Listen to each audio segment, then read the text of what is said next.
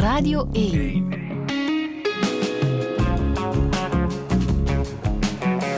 Douche. Met Friede Lesage. En met advocaat Walter van Steenbrugge. Goedemorgen. Goedemorgen, mevrouw. Hoe gaat het? Ja, het gaat goed. Uh, het zijn overweldigende dagen. Hè? Het zijn heftige dagen, ja, maar uh, ik voel mij wel uh, heel goed. Ja. Naar aanleiding van de documentaire op Canvas, God Vergeten, waar je zelf ook in te zien bent als advocaat van de slachtoffers van kindermisbruik in de kerk.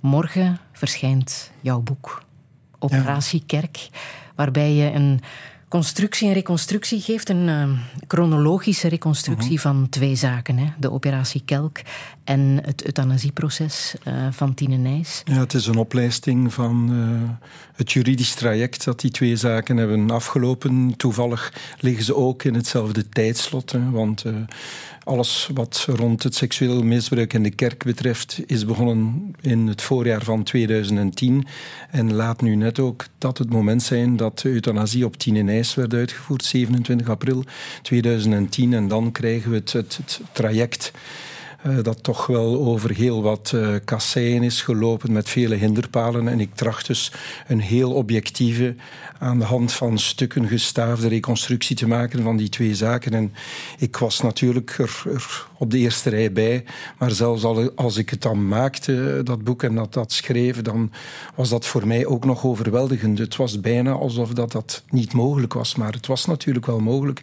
En ik heb dus mijn best gedaan om uh, dat heel objectief weer te geven. Ik heb op het einde wat conclusies uh, getrokken, mm -hmm. maar ik laat de lezer wel oordelen nadat hij de, de zaken op een rijtje heeft kunnen. Ja, waarom lezen. moeten we het lezen? Waarom moeten we oordelen? Ja, ik heb het geschreven omwille van het feit dat wij, Christine Mus en ikzelf, niet alle slachtoffers van het seksueel misbruik binnen de kerk vertegenwoordigen. We hadden er een 150-tal, maar er zijn er natuurlijk veel meer.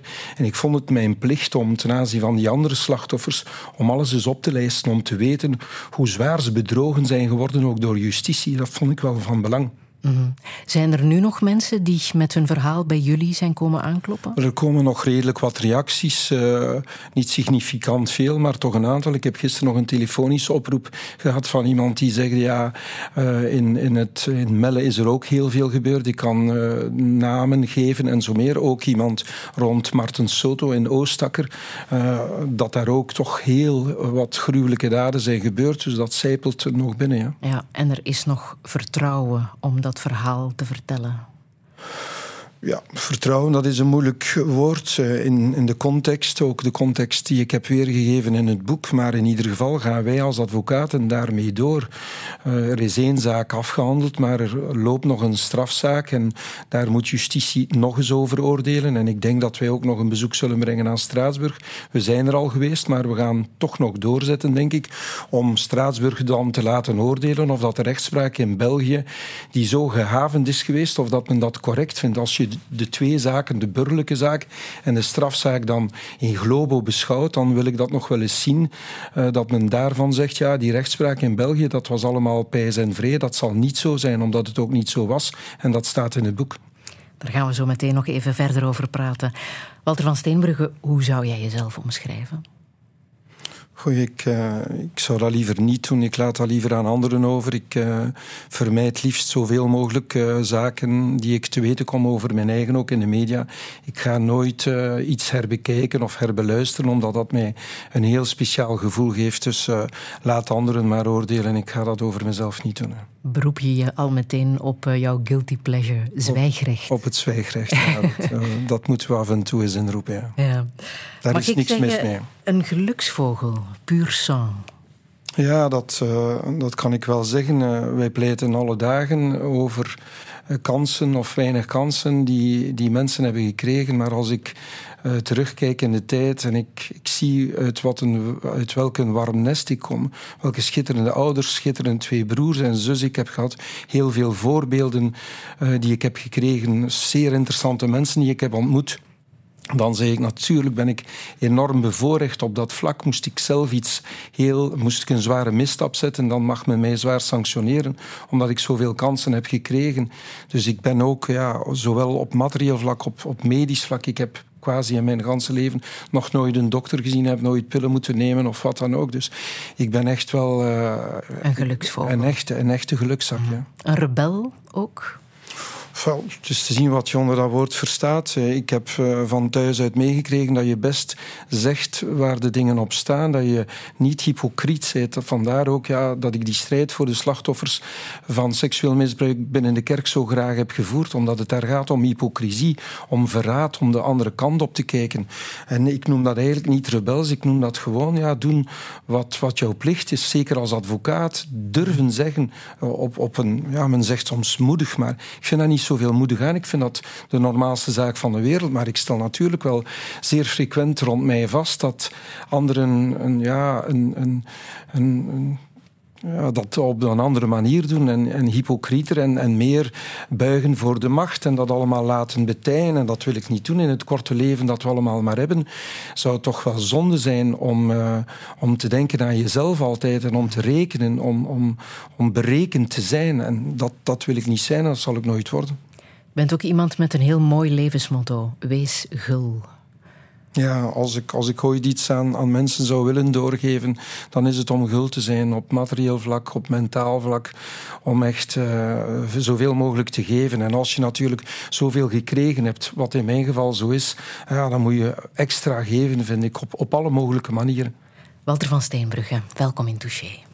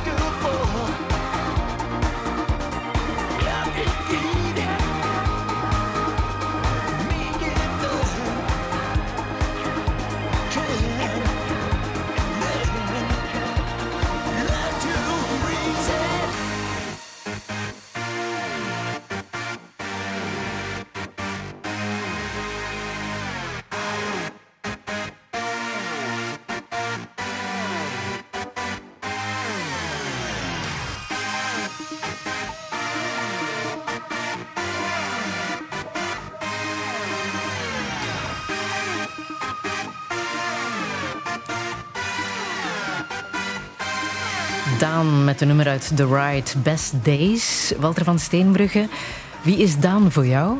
Ja, Daan is uh, voor mij een heel goede vriend. Uh, iemand naar wie dat ik ook opkijk, omdat hij zo creatief is uh, op alle vlakken. Hij was een, een grafisch vormgever destijds. Maar hij is natuurlijk op muzikaal vlak is dat een onwaarschijnlijk groot talent. Misschien wel het grootste, vind ik, dat België ooit gehad heeft. Het is overigens vandaag zijn verjaardag, dus het, het Kijk eens aan. Dat u, dat dit is voor zijn verjaardag. Dit is voor Daan zijn verjaardag, ja. ja. Bij deze. Ja. Hoe ver gaat die vriendschap met hem? Ja, wij, ehm, wij zoeken elkaar niet zo, niet zo vaak op, maar als we elkaar zien, uh, dan, uh, dan is, zijn dat wel best heftige gesprekken mhm. over het leven, over uh, de krochten van het leven. Niet altijd zo gemakkelijk is ook in het leven. En ehm, dan, dan luister ik wel graag ook naar zijn creatieve ideeën. Hij heeft zich laten ontdopen, hè? Hij heeft zich laten ontdopen, dus daar hebben we het ook al over gehad, uh, uiteraard. En daar zit jij voor iets tussen? Dat, dat weet ik niet. Jou, dat, dat heeft hij mij nooit uh, met zoveel woorden gezegd, maar misschien, misschien zou dat wel kunnen. Ja. ja toen René Stokman um, jou voor de rechter wou dagen mm -hmm. in uh, de zaak uh, rond het kindermisbruik in de kerk, was het toen? Ja, dat is wel best mogelijk.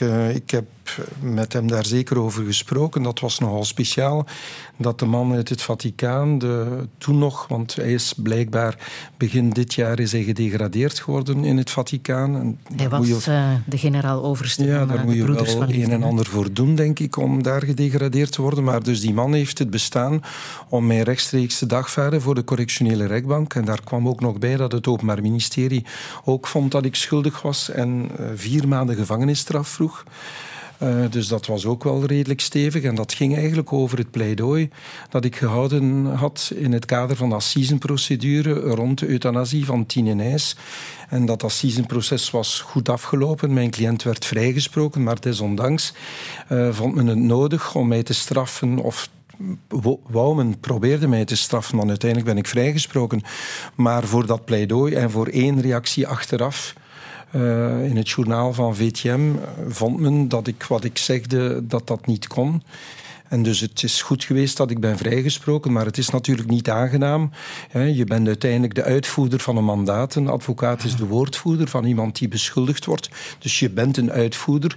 Maar eh, schieten op de pianist, dat was blijkbaar geen probleem voor meneer Stokman, maar ook voor het Openbaar Ministerie. Want als ik daar dan toch nog eens over over nadenk, ja, vind ik dat wel zeer merkwaardig dat een, een, uh, ja, een toch heel hoge macht binnen justitie en die normaal voor de maatschappij moet optreden, uh, die moet toezien dat de wetten worden nageleefd. Want er is een artikel in het Belgisch strafwet dat zegt dat als je pleit, dat je immuun bent voor wat je zegt in je pleidooi.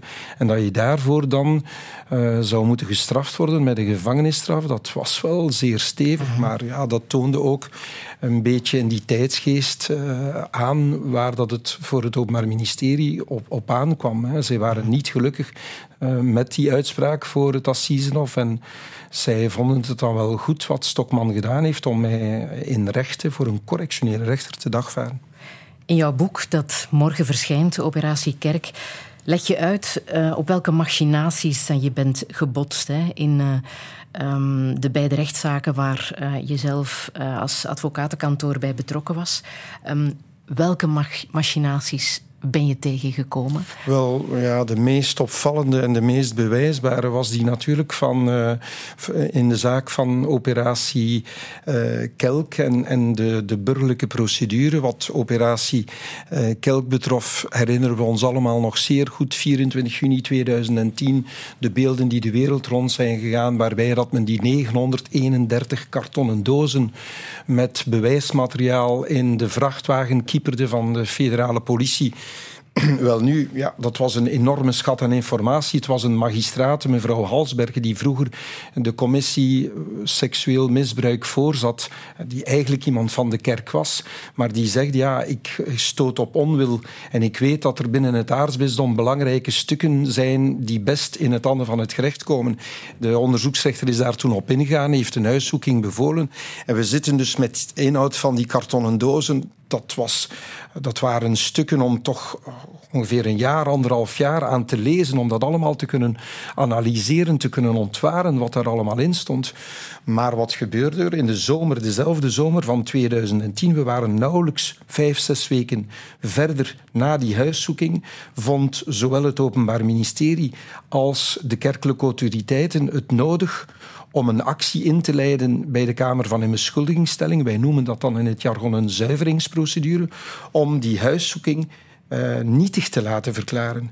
En ik kwam daar toevallig van, ik werd daar toevallig op de hoogte van gebracht in de krant Morgen, dat er een zitting uh, zou, zou plaatsvinden, maar wij als burgerlijke partijen moesten wij daarbij aanwezig zijn. Dat staat zo in de wet, maar wij werden niet uitgenodigd. Ik heb toen brieven geschreven naar de griffie van de Kamer van Inbeschuldigingsstelling, naar de voorzitter, zelfs naar de minister van Justitie, omdat ik aanvoelde, hier gaat iets gebeuren wat het daglicht niet mag zien. En ik kreeg inderdaad gelijk, want ik ging uh, in die periode augustus 2010 uh, om zeggens elke dag naar de Griffie om te gaan informeren. Is daar een, heeft daar een zitting plaatsgevonden? Is daar een uitspraak gekomen? En op een welbepaalde dag zegt men inderdaad, er is daar een arrest. Dat, inderdaad, dat al die huiszoekingen nietig verklaarde. En dus ik wou cassatieberoep aantekenen. Aanvankelijk weigerde men dat, omdat men zegt, ja, jouw naam staat niet in het arrest, dus je bent niet uh, goed gekomen om hier cassatieberoep tegen aan te tekenen. Ik heb dan met, onder de dreiging van een gerechtsdeurwaarder, heb ik dat dan toch voor elkaar gekregen, dat er cassatieberoep werd aangetekend. Cassatie heeft dan effectief het Hof van Cassatie gezegd, ja, die partijen, die, die slachtoffers, die burgerlijke partijen, die moesten evident worden opgeroepen. En dus uh, later is er dan beslist geworden in 2012 dat die stukken op de griffie moesten ter inzage blijven. De nietigheid werd wel aanvaard, maar de stukken moesten op de griffie ter inzage blijven van nog latere procespartijen, zoals dat er een aantal ook uh, zich aangemeld hebben. En dan hebben wij in 2020, in het najaar, toen dat we voor de eerste keer inzage kregen in het ganse dossier, gezien dat er in 2014 nog eens, wat ik terecht noem een clandestine zitting plaatsgevonden voor de Kamer van een beschuldigingstelling in Brussel, met dezelfde voorzitter als degene die het gepresteerd had in 2010 om die zaken al uit het dossier te houden. Maar in 2014 werd dan clandestien beslist met miskenning van de cassatierechtspraak, met miskenning van de wet, nog eens een clandestine zitting om dan te beslissen dat die inhoud van die 931 kartonnen dozen, dat die meteen aan de kerkelijke autoriteiten, die er nu nog zijn, werden teruggegeven.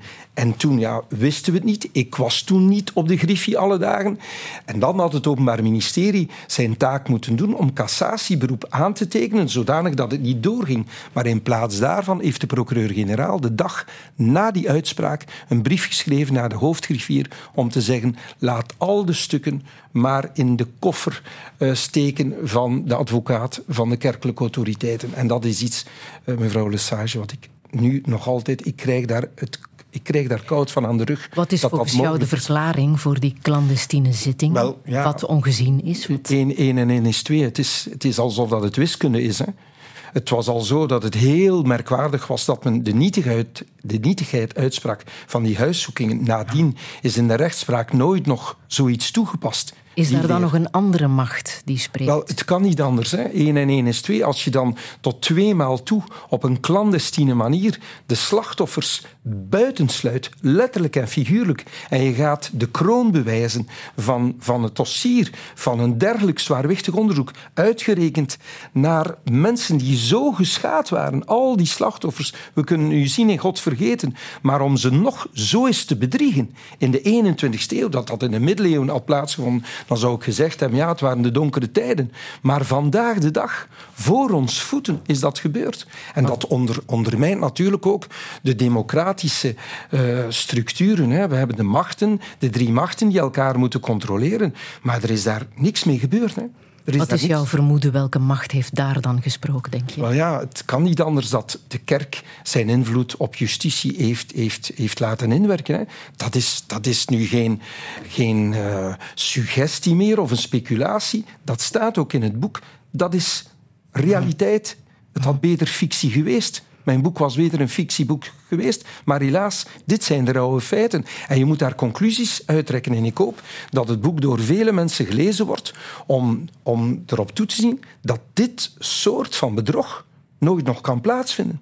Jullie hebben geprobeerd om het uh, Vaticaan te dagvaarden. Dat, is dat was een burgerlijke zaak, ja. Niets uh, uitgedraaid. Mm -hmm. Stopt het daar dan ook? Of kunnen wel, er nog stappen gezet wel, worden? Het is dus zo, uh, in april toen dat Mark van Geluwe de kattenbel aangebonden heeft en die Daniel Steeps bij zich had, toen heeft de, de kerk de vlucht vooruitgenomen door een persconferentie te geven. En toen heeft men een schitterende brief geschreven, de pastorale brief van, ik dacht, 26 mei 2010, waarin dat de kerkelijke autoriteiten, waaronder meneer Bonny, Harpigny en zo meer, heel nadrukkelijk zegden, we hebben de andere kant uitgekeken.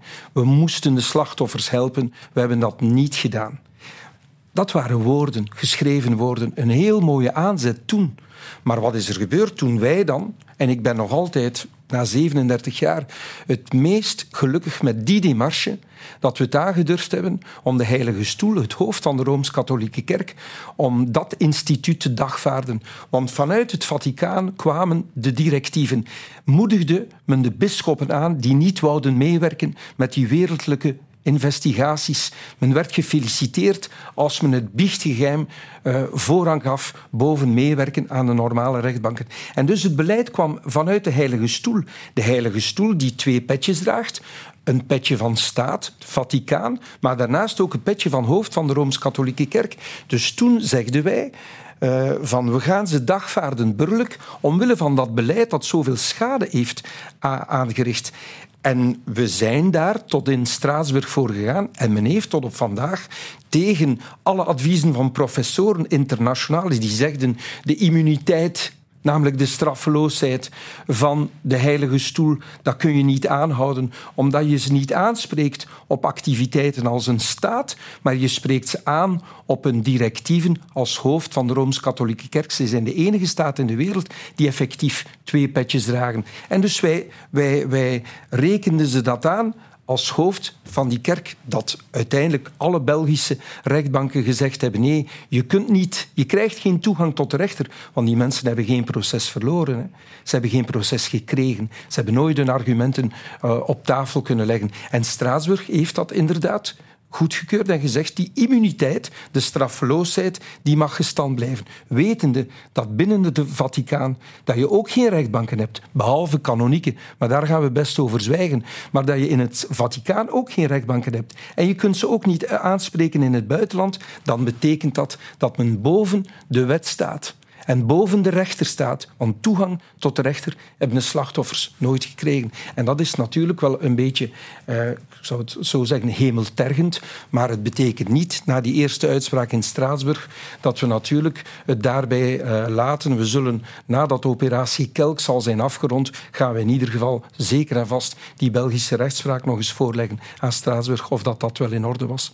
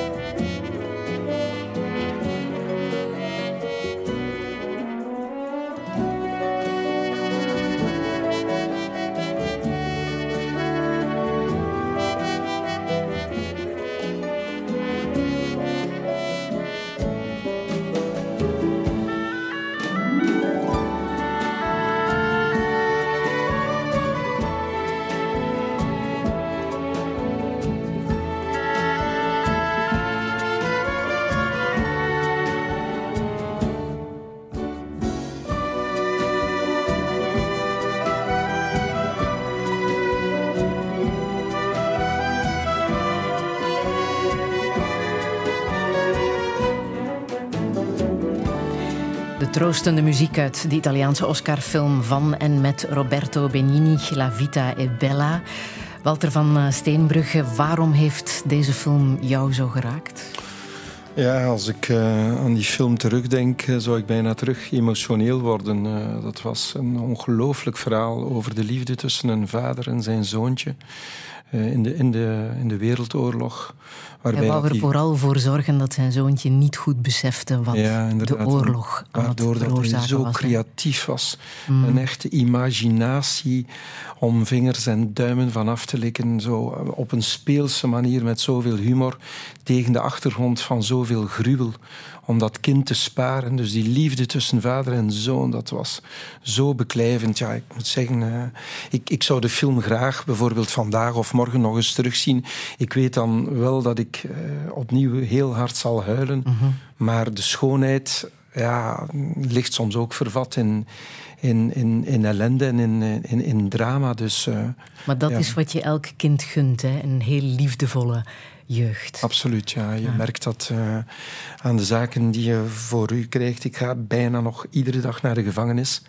En dus dan stel je vast dat eigenlijk het leven wordt geschreven tussen uw geboorte en de leeftijd van ongeveer 15, zou ik zeggen. En hoe was dat bij jou? Ja, bij mij was dat van... Ik was een, een, achterkomertje. Ik heb uh, een broer die bijna tien jaar ouder is dan een zus, bijna negen. En een, broer van bijna acht jaar ouder. Dus ik ben een, een achterkomertje. Iemand die, denk ik, op dat vlak niet echt... Uh, ja, dat was niet echt gewild, denk ik, want mijn vader was stationschef. Er was maar één wedde. Iedereen uh, moest best verder studeren en dan plots uh, was er dan nog een, een, een, vierde kind bij. Dus ik ben heel erg verwend geworden, vooral ook door mijn moeder, maar ook door mijn twee broers en mijn zus. Ik denk dat uh, die, die broer, twee broers en die zus die zijn nu al diep in de zestig, maar ik denk dat wij nog altijd ons eerste conflict, onze eerste ruzie moeten hebben. Dus die hebben zoveel zorg voor mij gedragen. En dus ik ben, uh, ik ben echt in, in, de, in de meeste warmte, of met de meeste warmte, ben ik kunnen opgroeien, heb ik kunnen veel sporten, heb ik, ben ik in contact gekomen met taal. Mijn jeugd werd gekleurd door uh, Jan Wouters bijvoorbeeld. Ja, ik was, was gek van zijn reportages die hij bracht. Ik was daar zo van onder de indruk. Mijn vader zegde ook om zoveel mogelijk te luisteren. Dat was romantiek op de radio gekoppeld aan sport. Trouwens, zijn opvolger Peter van den Bemt uh, is, is ook een kanjer, vind ik. Maar dat was voor mij zo leuk dat ik, dat ik zoveel goede tips kreeg van mijn ouders. Uh, dus, ja. Nochtans, zij hebben ook de Tweede Wereldoorlog meegemaakt. Hè? Ja, en Als jonge ik, twintigers. Ja, vind ik nu echt wel spijtig dat ik daar zo weinig over weet. Ik weet ja. alleen dat mijn vader, hij was ongeveer twintig jaar, hij was lid van de Witte Brigade. Dat was een groep die samenwerkte met de geallieerden. En hij trok om, om zoveel tijd met zijn fiets in die tijd, hij was ongeveer twintig, met zijn fiets van Oudenaarde, van waar wij afkomstig zijn, naar de Pannen. Omdat daar een afdeling van de geallieerden was en ze gingen, ze moesten de mor, via morsetekens de ligging van de Duitsers doorgeven. En mijn vader is dan verraden geworden door collaborateurs vanuit zijn eigen gemeente, waardoor dat hij van zijn fiets is getrokken. Ik denk dat het hoogte van Torhout was en gedurende maanden krijgsgevangen is geweest. Hij heeft ons altijd gespaard van daar veel over te praten. En nu vind ik dat, hij is meer dan twintig jaar geleden overleden, nu vind ik dat wel spijtig. Omdat ik daar, ja, ja, daar lag ook de kiem van wat hij ons altijd meegaf. Van uh, ja, op, op, op te komen tegen machtsmisbruik. En dat hebben wij er echt, ja... ja. Daar wat weet je wat zijn motivatie was om lid te worden van de Witte Brigade? Nee, dat, dat, ik, ik weet dat hij, hij is heel flink geweest. Hè. Hij, hij, toen bijvoorbeeld wanneer dat hij dan, als ik hem meemaakte, uh, als de, de, de vlag omhoog gehesen werd, de Belgische vlag, naar aanleiding van een cultuur, cultureel of sportevent, dan sprongen de tranen in zijn ogen. Hij was een echte patriot. Ik denk dat hij toen al, want het was een goed student, ja, dat hij wist wat de Duitsers, hè, de holocaust, de architecten van zoveel, uh, van de gaskamers en zo meer. Ik denk dat hij een natuurlijk verzet zal gehad hebben als jonge kerel en zal gezegd hebben, ja, ik ga proberen mijn steentje bij te dragen om zoveel machtsmisbruik, om daar een halt aan, aan toe te roepen. En vandaar dat hij, dat hij met die geallieerden heeft meegewerkt En is dus ja, ternauwernood aan de dood ontsnapt. Want hij zegt, ja, ik had op dat ogenblik nog geen, uh, nog geen huwelijk, nog geen kinderen. En hij zag in het, in, in, het, in het kamp waar dat hij gevangen zat, dat er mensen met kinderen bij waren. En toen heeft hij, er moest iemand afgevoerd worden, uh, heeft hij eigenlijk nog een Duitser willen aanvallen om dan de plaats te kunnen innemen van iemand met een gezin. Dat heeft hij ons nog verteld, maar uh, ik denk dat het zijn, zijn, doel, zijn bewuste keuze was om daar ons niet veel meer bij te betrekken. En nu vind ik dat inderdaad echt wel spijtig. Ik weet wel nog toen hij, hij na de uitzending van uh, Maurice de Wilde uh, ging over de collaboratie, dan was het in, in, in, onze huiskamer, dan was het echt wel stil. Hij heeft nooit haatgevoelens of rancune willen uiten naar collaborateurs, maar amnestie, daar was hij wel niet voor, om het, om het toch nooit te vergeten. Ah. En over zijn gevangenschap, heeft hij daar ooit Zeer weinig, gezegd? Ja. Ik zou daar graag... Uh, ik heb uh, nu nog contact met Henri Heijmans, een vroegere raadsheer bij het Hof van Beroep in Gent, uh, die ook die kind is van beide ouders die in concentratiekampen gezeten hebben. En ik zou bij hem wel eens willen aankloppen om te weten waar hij de mosterd haalt. Ik zou dat misschien ook wel eens willen doen, maar de de tijd ontbreekt mij. Het zou niet mogen, maar ja. het is wel de realiteit. En verraden worden door je eigen dorpsgenoten, ja. dat is ook vreselijk. Ja, inderdaad. En ook mijn, mijn moeder heeft mij nog verteld dat zij destijds een, een, een hond, stel je voor, een hond hebben moeten slachten om toch nog iets te eten te krijgen, terwijl dat men kon zien dat de buren die collaboreerden, dat zij rijkelijk veel voedsel kregen, chocolade en zo meer van de Duitsers. Dus dat moet wel een zeer heftige periode zijn geweest. Vandaar dat ik zo genoten heb vorige week van het programma hier met uh, Tim ik, ja. over de, de film die er zit aan te komen. Dus ik ga dinsdag ook kijken. Ja. Dus uh, dat, dat is een enorm, enorme periode. Het is een van... interessant vraagstuk. Hè? Wat ja. doe je in zo'n, in zo'n uh, situatie? Hè? En, en, we zouden het ook moeten betrekken in onze actuele tijden. Als je ziet, als je vandaag ergens met vrienden zijt, hoe gemakkelijk dat er over uitsluiting van mensen wordt gesproken, hoe, hoeveel racisme er vandaag is. Ja. 20 of 25 jaar geleden was het not done om dat ergens aan, aan tafel, uh, om daar iets over te zeggen. Maar vandaag is het bon ton. Maar je kan het zelfs ook doortrekken naar God vergeten. Wat uh, doe je? Ja. Verzet je je? Collaboreer je of Absoluut. sta je erbij de, en de, kijk je ernaar? Ja, het, het spoort op vele vlakken. Dat is machtsmisbruik.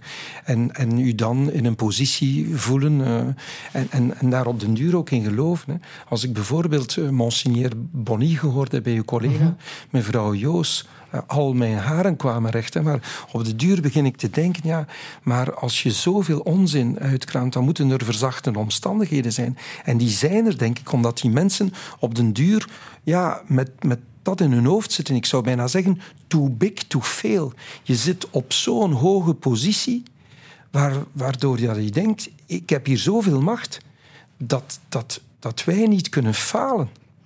Of dat men kan. Hij zegde ook, ja, we hebben destijds het seksueel misbruik binnen de kerk onderschat. Maar men heeft het niet onderschat. Men heeft het systematisch onder de mat geveegd. Men heeft dat georganiseerd. Dat moet die man zeggen. En daarvoor moeten de structuren op vandaag tot tot aan de fundamenten worden afgebroken. Als we nog een geloofwaardige kerk willen hebben.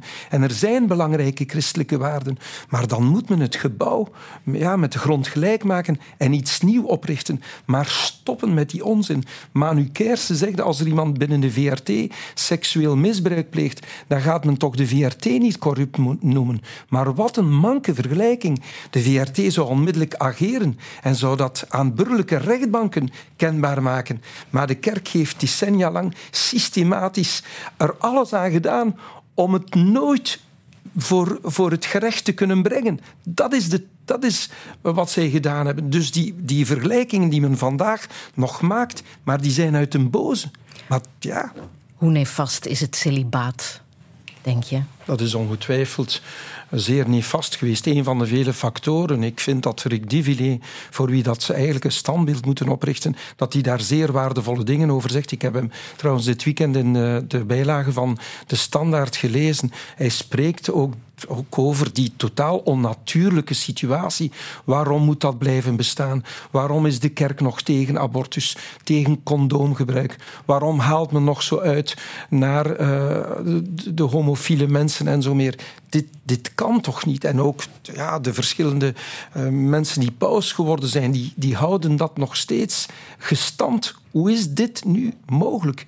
Kindermisbruik is ook niet alleen in ons land natuurlijk. Het is internationaal een zeer groot probleem. Denk je dat daar globaal iets ja. uh, stappen kunnen gezet worden? Ik ga u daar het volgende over zeggen. Hè. Ik heb de uitspraak van het Europees Mensenrechtenhof niet begrepen. Omdat ik vond dat men de toegang tot de rechter onmogelijk had gemaakt. De deur voor de slachtoffers werd potdicht gehouden. Dus ik had nooit durven denken dat in het Europees Mensenrechtenhof men de voorrang ging geven aan de immuniteit van de Heilige Stoel. Dat had ik niet kunnen uh, mij inbeelden. Maar als ik natuurlijk denk dat onze demarche de enige in Europa, want wij, wij zijn de enige die de Heilige Stoel hebben gedagvaard. Maar ik zit mij dan vaak af te vragen: hadden we die zaak voor het Mensenrechtenhof gewonnen en had men toegang moeten geven bij de wereldlijke rechtbanken? om de Heilige Stoel aan te vallen, dan was dat natuurlijk wereldwijd mogelijk geweest. En dan zou het goud dat zo uh, talrijk aanwezig is in de vele kathedralen en kerken in Rome, ja, dan ging men het goud wel mogen smelten, denk ik, om de schade. En die, die immens groot was. Het ging maar normaal geweest zijn. Maar ik denk dat, dat daar wat berekend is geweest. Het zou nogal wat geweest zijn dat men over gans de wereld uh, de, de heilige stoel had kunnen aanspreken. Maar het had moeten gebeuren. Het is helaas niet gebeurd, maar het is niet zeker dat dit gestand uh, blijft. Zeker als, uh, ja, als je de professoren, nationaal en internationaal, als je hun leest, dan zegt men ja, dit is niet meer van deze tijd. De heilige stoel die immuniteit geven. De strijd is nog niet gestreden. Nee, absoluut. Mag ook niet. Mag ook niet.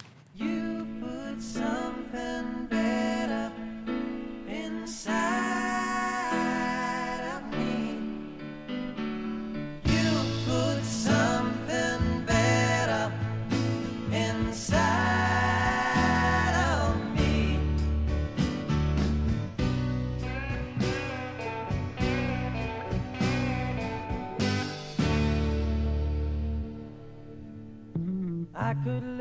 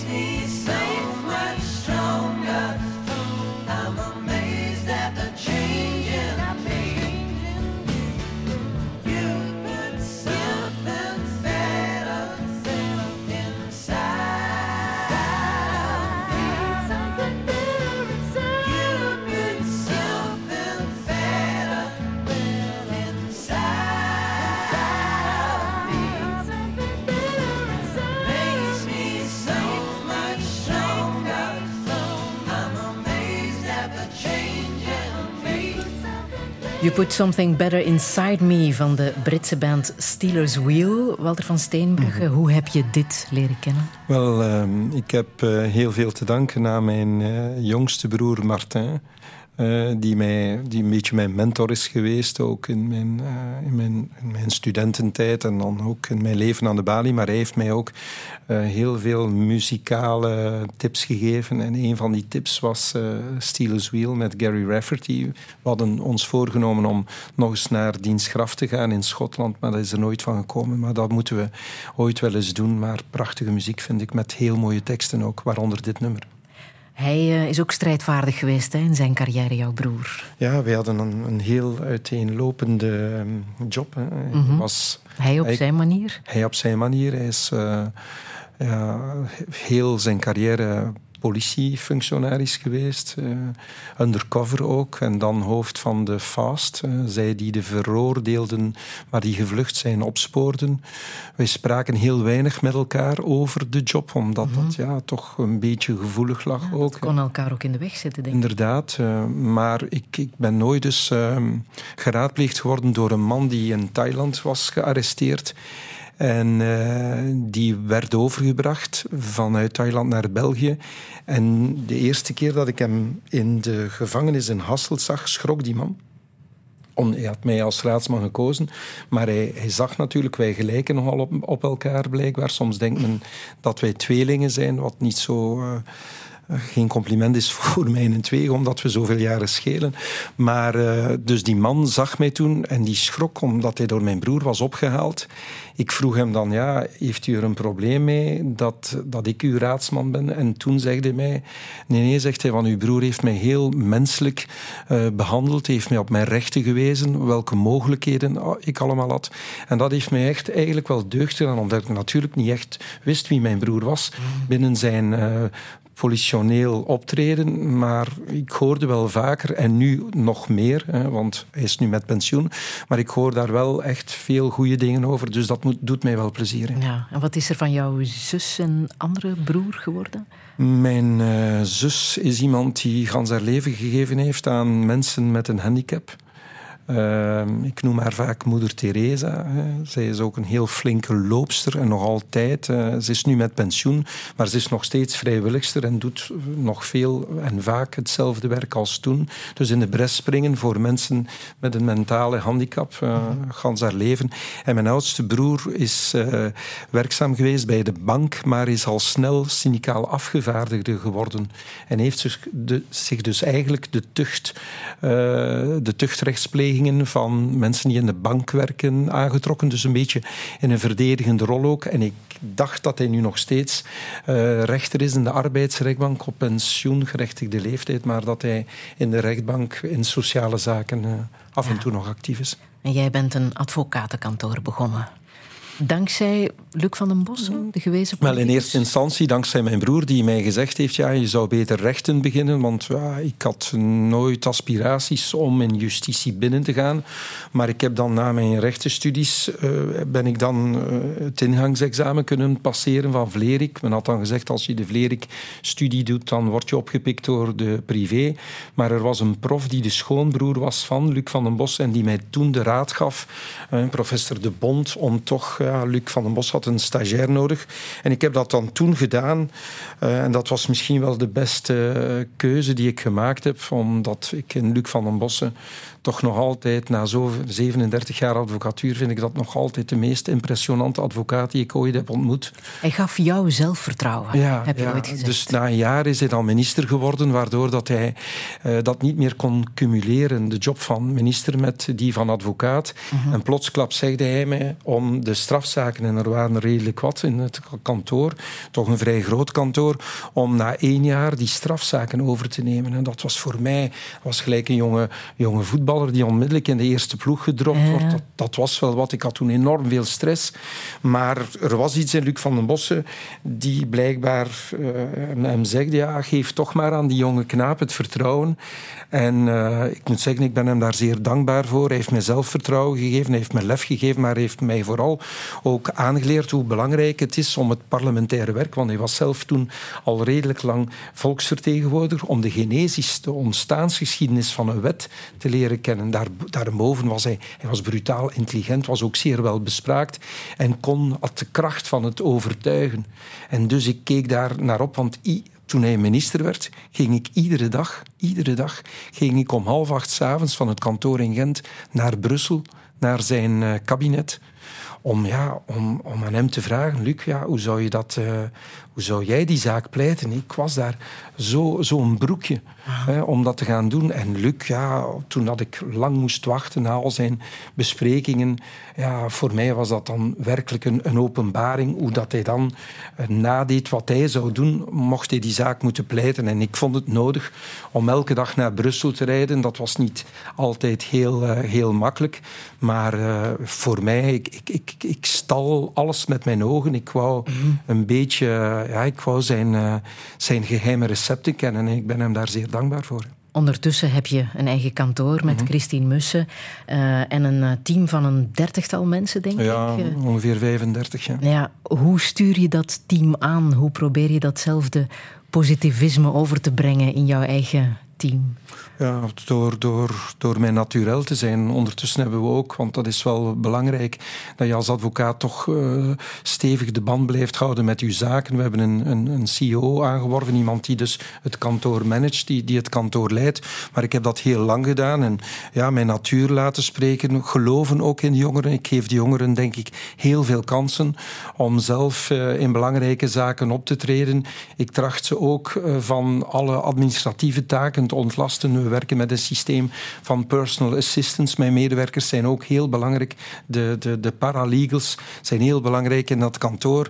Dus we trachten, want je, je kunt niks in het complexe justitiële land waarin dat we leven, kan je niks alleen doen. Ik, ik noem mijn team mijn heiligdom. Dat zijn de mensen die daar alle dagen staan. Je kunt dat niet alleen doen. Dus uh, uh, dat, dat, dat, moet, dat moet op een, een, een, een vriendelijke, uh, familiale manier kunnen gebeuren. En op vrijdag is er dan een businesscafé? Ja, dat trachten we wel te doen om naar aanleiding van actuele zaken eens met elkaar te, te, te praten. Ook toch te kunnen aansluiten bij vernieuwingen in het recht. Dat helpt en, om te polsen hoe ja. iedereen denkt over bepaalde ja, zaken? en ook om de, de nieuwigheden aan elkaar kenbaar te maken. Mm -hmm. We doen dat ook op, op vrijdagmiddag. Dat wordt de intellectuele lunch genoemd, waarbij dat uh, we elkaar toch wel trachten te bevruchten. We hebben ook om de zes weken uh, het Forensic Competence Center. Dat is ook heel belangrijk. Uh, daar gaan we de meest moeilijke zaken van het kantoor bespreken met mensen uit het veld van de gedragswetenschappen, twee psychiaters, een psycholoog, een neuroloog, een communicatiewetenschapper, om ieder vanuit zijn eigen invalshoek ja, het, het licht het licht laten schijnen op die zaken. Ik vind persoonlijk dat rechters, magistraten die moeten oordelen over iemand anders leven, dat ook beter zouden doen. U laten bevruchten door de vele andere rijke disciplines naast justitie. Uh, om, om ja, be beter geïnformeerd te kunnen oordelen over, over zulke moeilijke kwesties. Maar toch is voor vele mensen de drempel van een advocatenkantoor nog altijd heel hoog. Hè? Mm. Wat, hoe, hoe, zou je mensen duidelijk maken dat het oké okay is om bij jullie aan te kloppen als ze ja, met een vraag of een probleem die, die zitten? Die drempel is ook een, stuk, een stukje hoog. Denk alleen maar aan het financiële. Mm -hmm. Ik vind het echt niet oké okay dat mensen met, ja, met, met centen een ervaren advocaat kunnen contacteren. Wij werken niet, pro, wij staan niet op de Prodeo-lijst. Dus mensen die min vermogend zijn, die moeten ja, gaan aankloppen bij het Prodeo-bureau, waar stagiairs, en geen slecht woord over stagiairs, maar die zijn doorgaans toch minder, hebben minder ervaring dan zeer ervaren advocaten. Ik was in januari van dit jaar was ik uh, aanwezig op het terrorismeproces in New York. Daar werd de man in kwestie, degene die dan uh, later veroordeeld is geworden, die werd bijgestaan door state lawyers. Dat zijn zeer goede advocaten die geselecteerd worden, maar die betaald worden door de overheid. Dus min vermogenden krijgen dan effectief ook de bijstand van zeer ervaren advocaten. Maar bij ons is het systeem anders. En ja, vind ik dit klassejustitie? Ja, ik vind dit klassejustitie. Het zou niet mogen dat de uitkomst van een zaak ja, voor een stuk afhangt van de advocaat die je hebt ervaring of geen ervaring. Nee, het moet afhangen van de zaak waar dat het over gaat en de mens achter de feiten. Mm, ja, dat is een van de, de punten die, mocht ik iets te zeggen hebben, die ik heel snel zou aanpakken. Maar toch, als uh, succesvol advocaat kan je ook eens falen. Hè? Er is de zaak van Noppen die bij jou nog altijd, na al die jaren, dat is ondertussen al meer dan twintig jaar geleden. You win some, you lose some, dat, dat, hoort erbij. Dat is een keerpunt geweest, uh, denk ik, in mijn professioneel leven. Uh, omdat ik dat het meest oneerlijke proces ooit vond. Ja, dat, er was in die tijd, herinner je je nog, de, de vrijdagen waarop geen vlees werd gegeten. Dat was uh, voor de regering een superbelangrijke zaak. De schijnwerpers ook van, van, intern, van internationale persorganen die schenen op dat proces. Maar dat is ja, voor mij een heel zware nood geweest om te kraken, omdat ik er nog altijd van overtuigd ben dat ik toen iemand heb bijgestaan die de zwaarste straf heeft gekregen, maar die die feiten niet gepleegd had, de hoofdverdachte. Uh, die man wil daar niet meer aan herinnerd worden en, en terecht is ondertussen mm -hmm. al terug in vrijheid en heeft zich perfect gerehabiliteerd in de maatschappij. Want hoe moeilijk is dat om... Mm, dat was terug te integreren in de maatschappij. Zeker als het van zo'n mediaproces... Uh, ja, dat is, dat, dat, dat is een sterke persoonlijkheid, die man. Ik ga hem ook niet bij naam noemen, want hij heeft het mhm. recht om vergeten te worden. Maar dat is een heel sterke persoonlijkheid en dankzij zijn familie, want ja, we komen ook altijd terecht op zijn familie, heeft hij de rug weten rechten. Maar voor mij persoonlijk is dat iets wat je nooit kan vergeten. En er waren op dat ogenblik voor mij twee mogelijkheden. Ofwel ja, ging ik daaraan onder omdat ja, je zult het maar meemaken. Hè. Je staat op de eerste lijn. Ik was ongeveer nog de laatste, want we waren met vier advocaten die daar nog in het laatste hoofdstuk uh, kunnen pleiten heeft voor die advocaat. Dus ik, ik ving wel uh, de averij op en dat was, dat, dat was immens zwaar om te torsen. Maar ja, dankzij mijn partner, die mij ook tot het inzicht heeft gebracht, ofwel ga je nu in een hoekje uithuilen, ofwel ga je effectief uh, aan wat je hebt meegemaakt, ga je er iets aan doen. Ik heb toen een boek geschreven ook mm -hmm. om te zeggen, ja, dit mag nooit gebeuren. We gaan een aantal zaken structureel moeten aanpakken. Maar als ik dan het boek van mijn eerste boek destijds herlees, dan moet ik tot scha en schande vaststellen dat die pijnpunten dat die op vandaag nog altijd blijven Dat was bestaan. operatie justitie. Hè, in 2000, de affaire justitie. Affaire justitie, 2007. 2007, ja. Maar kan je zeggen dat die zaak toen jou nog strijdvaardiger heeft absoluut. gemaakt? Ervoor gezorgd heeft dat je nog harder werkt? Ja, absoluut. Ik vind dat ik toen in dat proces ben tekortgeschoten. Ik had veel meer rebels moeten zijn. Ik heb op een gegeven ogenblik mijn toga in de gang gegooid omdat ik het optreden van de voorzitter, en ik zou het hem op vandaag nog altijd zeggen, dat dat optreden was een en al partijdigheid. Die man zat daar met een bepaalde missie. De hoofdverdachte moest, hè, Barbertje moest hangen. En hij ging ook op het einde. En dat was geen eerlijk proces, maar ik vind dat ik daar veel te kalm en veel te braaf in geweest ben. Nu zou dit niet meer gebeuren, nee, absoluut niet. Is er veel jaloezie binnen justitie?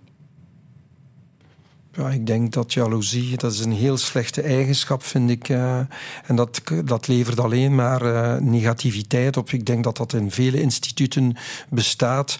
In justitie zeker ook, omdat natuurlijk, ja... het, het, aspect macht is daar natuurlijk heel erg aanwezig. Een, een en wie krijgt gelijk? Heeft veel, veel macht. En ik zou bijna zeggen, hoe langer hoe meer. Omdat er veel meer middelen ook aan politie-entiteiten wordt gegeven. Maar de controle op justitie is onbestaande. Dat beschrijf ik ook in het boek. Ik zeg, als er nu echt iets fundamenteels moet veranderen, is dat er controle moet komen. Ik heb geen probleem mee dat politie en het Openbaar Ministerie veel macht hebben, maar alleen op één voorwaarde. Dat dat allemaal kan gecontroleerd worden. De machten moeten elkaar controleren. Er moeten instituten bestaan die onafhankelijk van justitie dat kunnen auditen. En dat gebeurt op vandaag niet. Walter van Steenbrugge, er valt nog heel veel te zeggen. En wij praten zo meteen verder. Radio 1.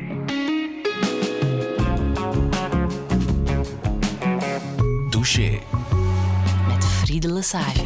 En met advocaat Walter van Steenbrugge. Morgen verschijnt zijn boek Operatie Kerk, waarin hij uitlegt hoe justitie zich laat manipuleren door de kerk. Dat zijn vader ooit krijgsgevangene was, ligt aan de basis van zijn vurige strijd tegen onrecht en machtsmisbruik. Maar hoe lang houdt hij dit vol? Hoe helpt zijn ascetische levenswijze en zijn passie voor sport daarbij? Waarom is het Europees Verdrag voor de Rechten en Vrijheden van de Mens zo belangrijk? En kiest hij, mocht het nodig zijn, voor euthanasie? Dit is Touché met Walter van Steenbrugge. Een goede middag.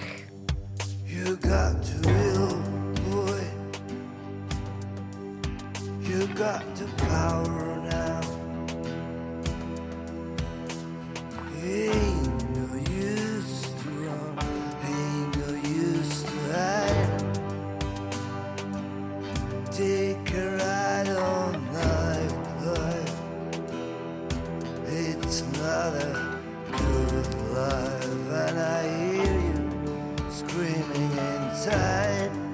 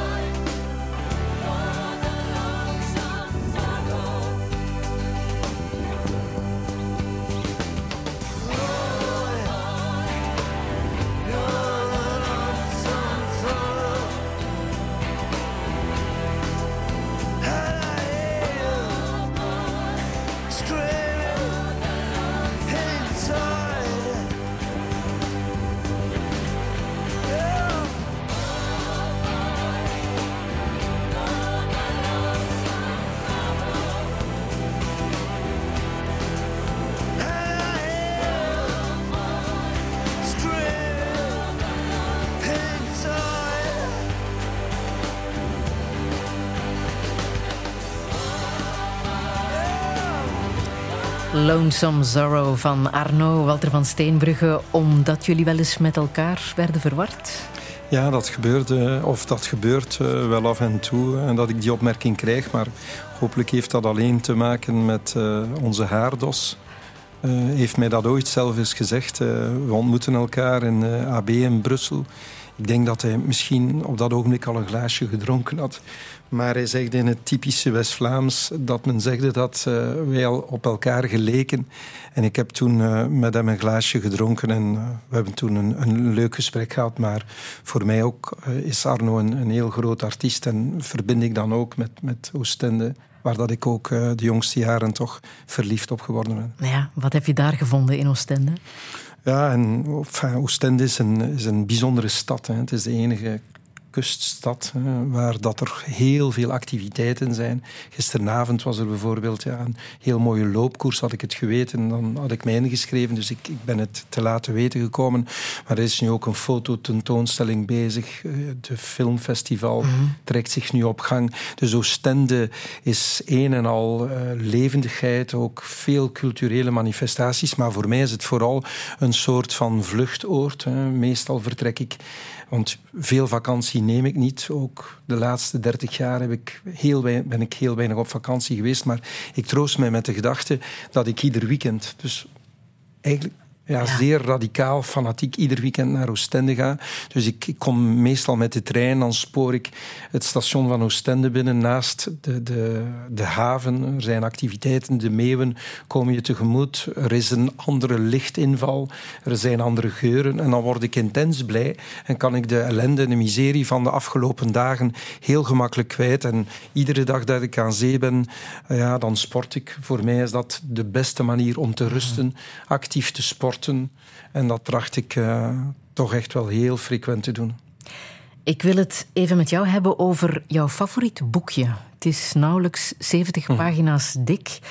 Het Europees Verdrag voor de Rechten en Vrijheden ja. van de Mens. Ik noem het een boekje, maar eigenlijk is het nergens te vinden. Nee, het is zo dat ik uh, een paar weken terug, en toen vond ik dat een wel heel speciale anekdote, een paar weken terug vroeg mij een gepensioneerde man waar dat hij dat boek kon kopen, mm -hmm. omdat ik ergens in een interview gezegd had, volgens mij is dat het beste boek dat ooit is geschreven geworden. Want ja, eh, als je die teksten leest, hè, want het Europees Verdrag is natuurlijk hent op de Universele Verklaring van 1948, dat in de schoot van de Verenigde Naties is tot stand gekomen, zeer kort na de Tweede Wereldoorlog. Je moet je afvragen, hoe is het mogelijk geweest dat men zoveel belangrijke waarden, waar dat je gans je leven kunt op, op afstemmen, hoe is het mogelijk geweest dat men dat in enkele tientallen pagina's heeft kunnen samenballen? Als men vraagt, ben je gelovig, dan dan zeg ik nee. Uh, en dan zeg ik stevast, ja, ik, de waarden van het Europees Verdrag voor de Rechten van de Mens zijn voor mij de belangrijkste waarden. Daaraan heb ik genoeg om gelukkig te kunnen leven en om met mijn medemens op een goede manier te, kunnen omgaan. Maar het boekje is, als je het nagaat op, uh, op internet, kun je dat boekje nergens kopen. Je kunt de tekst kun je wel terugvinden, maar het is onwaarschijnlijk toch dat ja, toch zo'n een belangrijk boek voor, voor jongeren en voor iedereen, mm -hmm. dat dat niet in de boekhandel te koop is. Het zou aan iedereen moeten gegeven worden, Absoluut. op scholen verdeeld ja, worden. Ja, je zou er alle dagen uh, moeten over praten. Je zou ook moeten de rijkgevulde rechtspraak van het Europees Hof, uh, je zou dat ook moeten brengen, omdat die rechtspraak dan invulling geeft, concrete invulling, met ja, anekdotes uit het leven gegrepen. Dus dan kun je die, die teksten beter begrijpen. We hebben ooit dus uh, de gedachte gehad binnen het kantoor om op een kindvriendelijke manier dat verdrag met theaterteksten, met muziek. Een beetje aanknopen ook bij de sociale media. De medewerker die dat samen met mij ging doen, is dan even ziek geworden. Ik hoop dat we dat, dat project nog zouden kunnen opzetten. Dat zou mooi zijn. Ja, inderdaad, ja. voor die, die, jonge mensen. In plaats van ze zoveel ja, zaken uit de Bijbel en de Koran te geven, dat is, daar staan ook veel rare dingen in. Dus waarom niet het verdrag als het werkinstrument? Ook, het is ook een werkinstrument voor, voor uh, jou als advocaat natuurlijk, uh, want het omvat ook artikels over de rechtsgang. Een paar artikels die uh, voor jou uh, heel erg belangrijk zijn. Het zwijgrecht bijvoorbeeld. Ja, inderdaad. Zit daar ook in? Ik, ik, ik lees het alle dagen. Mm -hmm. uh, niet tegenstaande dat ik veel artikels uit mijn hoofd ken, maar toch ga ik dat, daar nog op terugvallen en naar die rechtspraak grijpen. Trouwens, het is een van mijn betere vrienden, Godfried van Hoof, die de, samen met, met zijn collega-professor dat handboek geschreven heeft over het Europees Verdrag. Hij heeft mij leren, Fried van Hoof, in termen van het Europees Verdrag nadenken.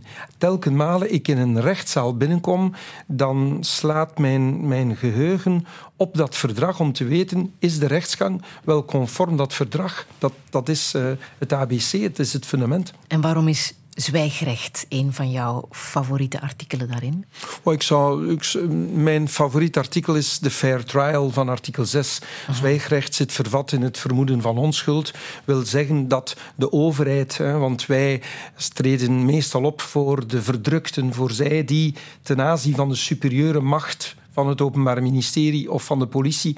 Wij moeten die mensen bijstand geven. En het, je zit al in zo'n inferieure positie dat dat vermoeden van onschuld heel belangrijk is. Dat de bewijslast moet liggen bij de al zeer machtige overheid. Dus het zwijgrecht is een is een echt een fundament van de verdachte. Je wordt als verdachte al zo uh, zwaar, ik zou het zo kunnen uitdrukken, benadeeld door de positie als verdrukte waarin uh, dat je verkeert, dat uh, dat, dat de Europese rechtspraak zeer veel belangrijke aandachtspunten heeft, heeft geleverd door de jaren heen om een fair trial, een evenwaardig proces te krijgen. -hmm.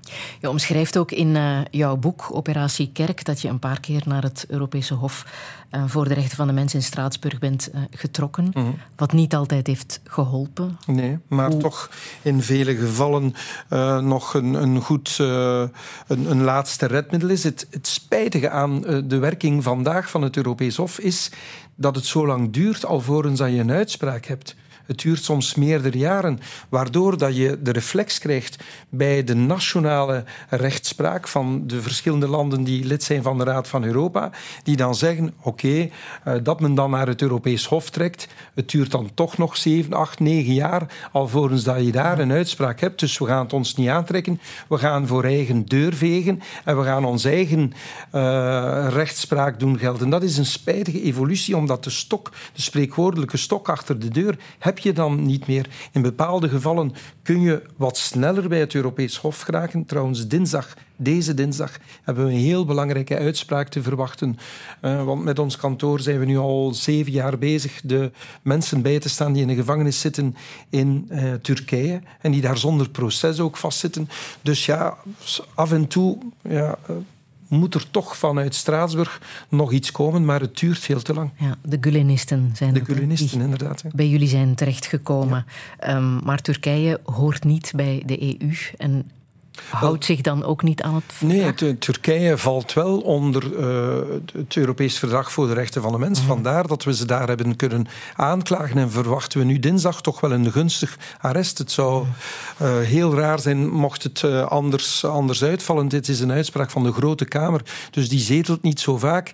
Maar wat... wat Turkije doet, is zich niet neerleggen bij die uitspraken. We hebben ooit een zaak in Maleisië gehad, waarbij dat mensen van Gulenistische origine zijn gekidnapt geworden. We hebben dan een procedure gevoerd voor het Mensenrechtencomité van de Verenigde Naties. We hebben daar gelijk gehaald, maar Turkije heeft daar de uitspraak naast zich neergelegd. Erdogan waant zich wel bijzonder sterk en heeft Europa ook gedurende een lange periode en nu nog steeds, denk ik, in de greep gehouden. Want er werd mij gezegd toen dat we met de Gulenisten naar het Belgisch parlement zijn getrokken, dan heeft Dirk van der Malen, en ik vond dat heel tof van hem, aan mij gezegd, ja, het zal niks uithalen, omdat Duitsland zegt, we, gaan, we kunnen Turkije niet aanvallen, omdat anders Turkije de vluchtelingendeuren, poorten zal openzetten en dan wordt Europa nog meer uh, overmand met vluchtelingen. Dus Erdogan heeft en had Europa in een, in een wurggreep ten koste van zeer veel mensen die daar op een onwaarschijnlijke manier worden gevangen gehouden. En dat is dan een land waar wij, waar wij gaan voetballen straks.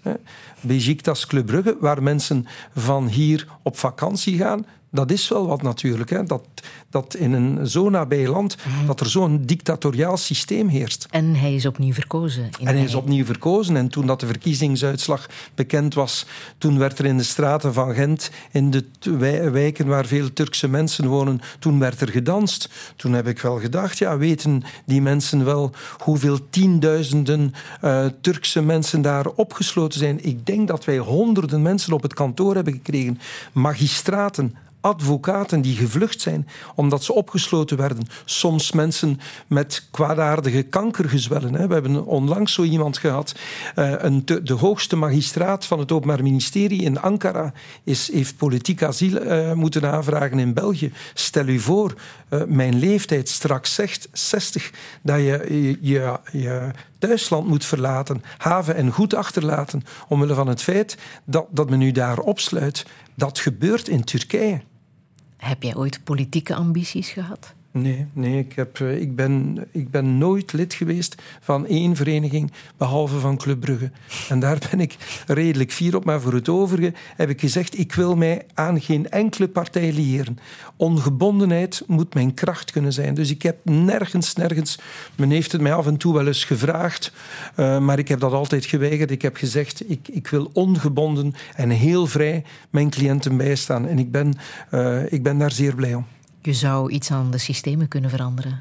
Ja, wat, wat ik natuurlijk wel nog graag zou doen, hè, ik, ik word er volgend jaar 60, maar wat ik wel nog graag zou doen, dat is uh, een beetje rechtsvergelijkend gaan werken. De, de beste elementen die ik, want ons kantoor treedt vaak op in internationale zaken, om de goede elementen die je uit de rechtssystemen in het buitenland kunt halen, die zou ik graag eens oplijsten. Ik heb bijvoorbeeld, als ik in Amerika was, heb ik mijn, mijn, mijn ogen uitgekeken, omdat je daar, je zag daar hoe onpartijdig een rechter behoort te zijn.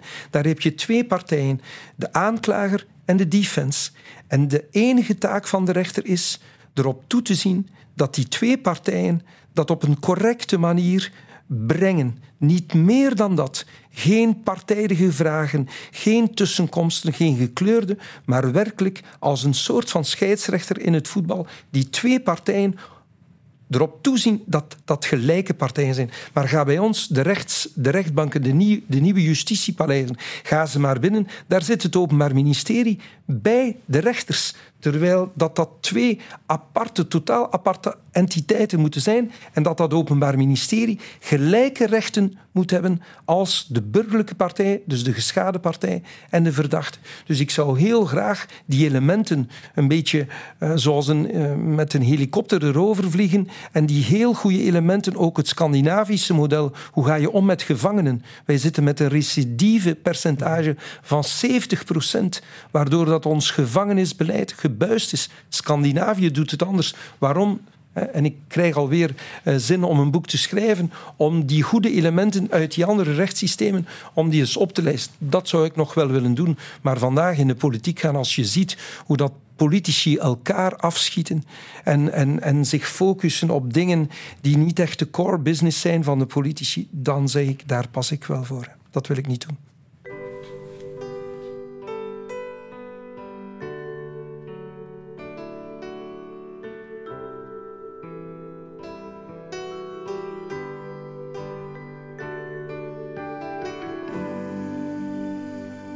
Sail your ships around me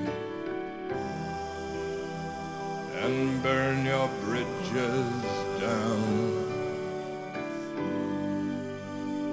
We make a little history, baby, every time you come around. Come loose your dogs upon me and let your hair hang down. You are a little mystery to me. Every time you call around,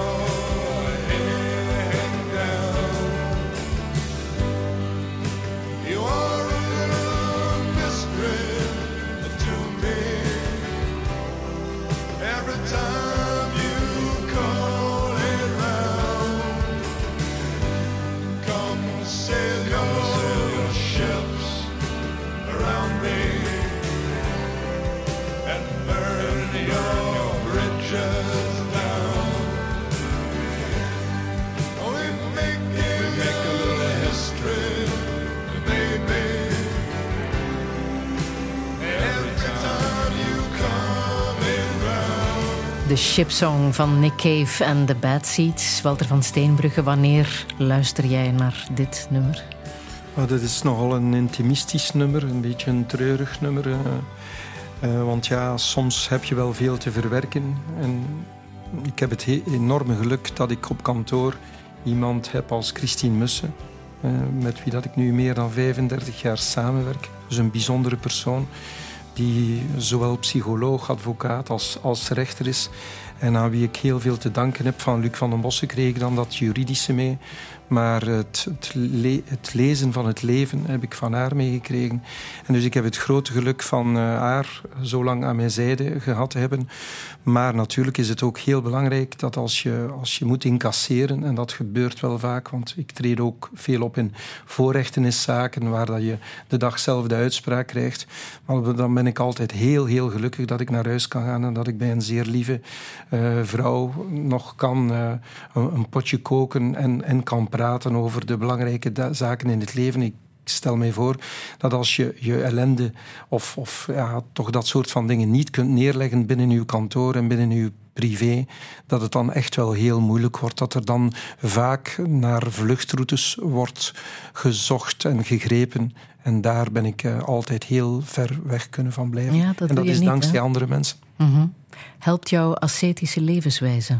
Absoluut. ja. En hoe ver ga je daarin? Ja, ik tracht daar toch echt ver in te gaan. Ik tracht heel goed op mijn voeding te letten. Ik heb nu het gewicht terug van, denk ik, 25 jaar geleden. Dus voeding is wel heel belangrijk, maar ook het sporten. Ik heb gisterenmiddag een prachtige training gekregen van mijn goede vriend Rudy Verkemping, vroeger assistent nog van Club Brugge, die dan met de matjes, met de gewichten het strand op gaat en een intervaltraining, dan een balletje trappen en is, is er ook bij.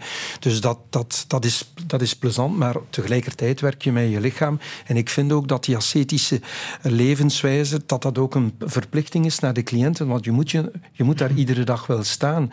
En dan kun je niet maken dat je dag voordien alcohol hebt gedronken of wat dan ook. eh. Dat doe je nooit? Nee, ik doe enfin, eh, alcohol tijdens de week. Straks is het Anderlecht Club Brugge. Club zal winnen, dus dan ga ik een pintje drinken. Maar tijdens, eh, tijdens de week eh, zal mij dat nooit, eh, nooit overkomen. Tenzij dat het iets heel speciaal is. Ik, wil dat niet, ik vind dat het van belang is dat je daar staat, dat je, dat je scherp bent en dat je wakker bent. Je, eh, ja, je, je kunt je dat niet permitteren om dat te doen. Dat is een, dat is een echte plicht, vind ik. Ja. Ja. Je had ook wel graag coach willen zijn. Hè? Zo die Ja. sporttermen, dat, dat eh, blijft overal aanwezig in wat je zegt en in wat je doet. Hè? Ja, ik, ik heb iets met coaches. Ik vind persoonlijk ook dat hoe hoger dat je op de, de rang staat van de macht, hoe meer dat die machtige mensen zich zouden moeten laten coachen. Het was ook een oud voetballer, Roger van Gool, die mij eens zegde: de beste coaches hebben zelf een coach nodig. Maar dat is echt een zeer grote waarheid. Maar mensen zoals de, de leiders van de kerk, die hebben dat volgens mij ook nooit gehad. Belangrijke politici. Neem nu eh, Poetin. Er zijn te weinig mensen die die machtigen eens durven zeggen wat ze verkeerd doen. Dus dat hebben ze nodig. En ja, ik had, persoonlijk had ik heel graag voetbalcoach geworden, omdat ik natuurlijk met het spelletje groot ben geworden. Ik heb het ook heel lang eh, zelf gespeeld. En coach zijn betekent, je moet een goede communicator zijn, een people manager. Je moet van het spelletje houden. Je doet ook actief aan sport, want ik zou dan ook graag meetrainen. Het leek mij ook iets om, eh, om, om, om oud te worden en zo meer. Maar het zal, het zal nooit mij te beurt vallen. Ik ben het ooit nog op laag niveau geweest. Maar ik had eigenlijk willen kiezen om eh, een, een topploeg te kunnen. Een Italiaanse of een Spaanse topploeg. Dat was iets voor mij geweest. Maar, Maar ja, het eh, is de advocatuur geworden. het is de advocatuur Ja. geworden. Mag Echt ik zeggen dat, ehm, dat je wel een soort mentale coach hebt gehad als advocaat, Hugo Kamps? Ja, dat is dan in een later stadium in mijn leven geweest. Eh, dus in het begin was dat zeker en vast Christine en, en, en Luc van den Bossen.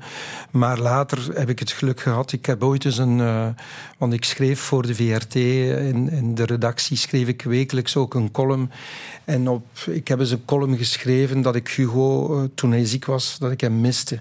En op die manier heb ik dan contact gekregen met zijn, eh, met zijn echtgenoot en dan ook met Hugo. En ik heb met Hugo dan wel een heel bijzondere relatie gehad. Ik zou wel mogen zeggen dat wij een soort van vader-zoon relatie hadden, zeer intens. Op een bepaald ogenblik eh, hadden we het eh, plan, eh, en we voerden het ook uit, om elkaar wekelijks een brief te schrijven. Dat was zo speciaal. Een- een En waarover schreven jullie dat? ja, over, de, over de, de waan van de dag, over wat we beleefden, wat we in de media zagen, wat we hadden gedaan. En dat waren zulke pareltjes, dat waren echte literaire orgasmes, zou ik zeggen. Ik trachtte dat dan ook een beetje, een beetje, in, in, ja, een beetje na te doen eigenlijk. En ook toch iets, iets moois op papier te schrijven. Maar het is, omdat het mij te veel tijd kostte, is het dan niet kunnen blijven duren. Eh, ik, ik vind het nog altijd nu na zijn dood spijtig dat we dat niet verder hebben gezet. Maar Hugo was iemand die een maatschappelijk moeilijk vraagstuk op 1, 2, 3 kon doorgronden en er zulke prachtige woorden kon onderschuiven, waardoor je, ik, ik, dat was voor mij als het ware zuurstof. Vandaar dat ik na zijn dood, straks wordt het vijf weken, is het een jaar geleden dat hij ons ontvallen is, maar ik, ik kan hem op bepaalde ogenblikken zo hard missen dat ik aan mijn partner zeg, ja, nu zou ik echt willen bij Hugo gaan om wat inspiratie te krijgen. Dus voor mij is dat ja, een beetje de messie onder de, de, de, de columnisten, onder de schrijvers geweest. Ik, ken zelden, eh, ik heb zelden mensen meegemaakt met zo'n pen. Maar deze ochtend bijvoorbeeld, want ik hou van dat soort teksten, las ik de column van Philippe Joos. En dat was ook zo'n pareltje. Ik heb het aan, aan Philippe geschreven nog van eh, Hugo zou dat ook een meesterwerkje gevonden hebben. Dus je kunt zoveel doen met taal, met woorden. Hè. Het begin van de week zat de, was de berichtgeving daar dat tussen de 12 en de 18 jaar dat men nu zo snel grijpt naar antidepressiva, naar medicatie. Dan denk ik, ja, maar woorden kunnen toch zoveel meer genezend zijn. We, we spreken te weinig, we, we lezen te weinig. En dat is een oproep voor, voor scholen in plaats van ja, re- relatine of andere soort zaken te geven. Praat meer en trek mensen naar poëzie en naar, naar literatuur toe. Ik denk dat dat echt veel zou, zou kunnen oplossen. Over eh, Hugo Kams gesproken. Hij was te gast ooit in eh, Touché toen hij net 70 was geworden. Een gesprek dat nog altijd terug te vinden is via VRT Max. Ik vroeg hem toen in eh, Touché hoe het voelde om ouder te worden. En dit is wat hij toen zei. Er zijn voordelen aan het ouder worden wanneer je het bekijkt vanuit een geestelijk oogpunt. De onrust is weg. Wat ook een vorm van geluk is, dat je je eigen ascese begrijpt. Het enige grote nadeel is, mensen vallen weg in je leven. Het verlies aan de enkele mensen aan wie je dan echt waarde hebt gehecht, dat is toch redelijk zwaar hoor. Touché.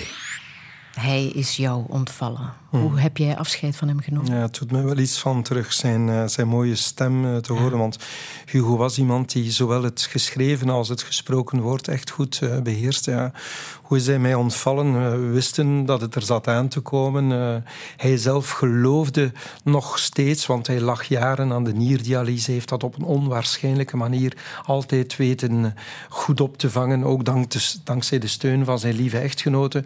Maar hij zat terwijl dat die nierdialyse zo lang duurde, zat hij zijn column te maken. Ik heb hem nog gezien, eh, terwijl dat hij daar aan de, aan de machineslag eh, zat hij nog te schrijven. En ook de, de laatste weken, dagen van zijn leven in het ziekenhuis in Knokke lag daar een paar eh, artikels dat, die, die hij las. En lag ook nog zijn, zijn, zijn computertje daar om toch nog iets te schrijven. Dat was zijn leven. En hoe is hij ontvallen? Ja, dat was... oeh, dat was voor mij zeer heftig. Ik heb ook eh, van nabij mijn ouders eh, zien, zien of weten te sterven. Maar van Hugo was dat ook. Dat kwam zo hard binnen omdat hij zo helder nog van geest was. Dus hij sprak zoals dat hij daarnet eh sprak te- tegen, tegenover u.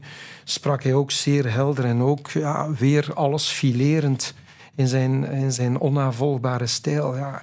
En dan, dan zat je daar. Je wist dat hij, want we wisten het ook van de artsen, dat het een kwestie van uren was. Ja, dan ga je wel door de knieën, letterlijk en figuurlijk in, in mijn geval.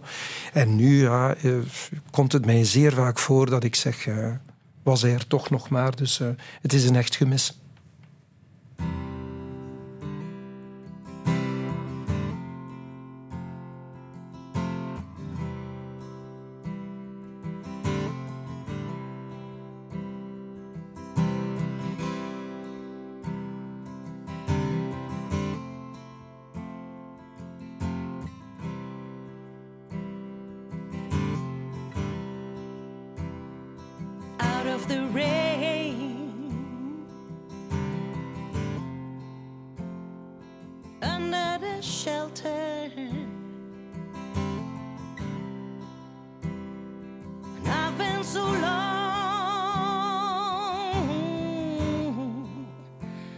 Where the sun don't shine.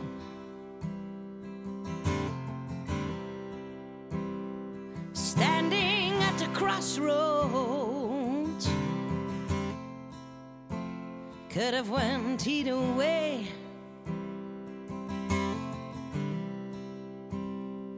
But now I found you.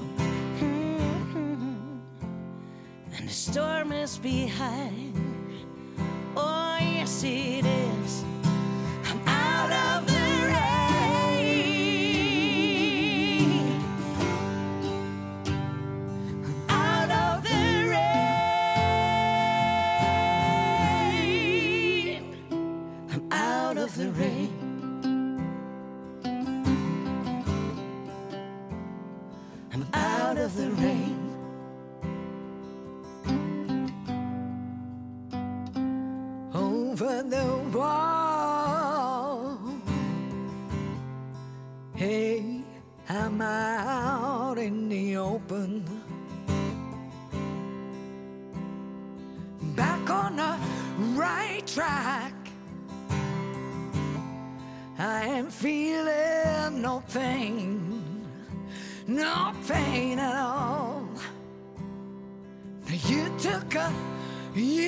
took a sparrow and let it fly. You let it fly like an eagle.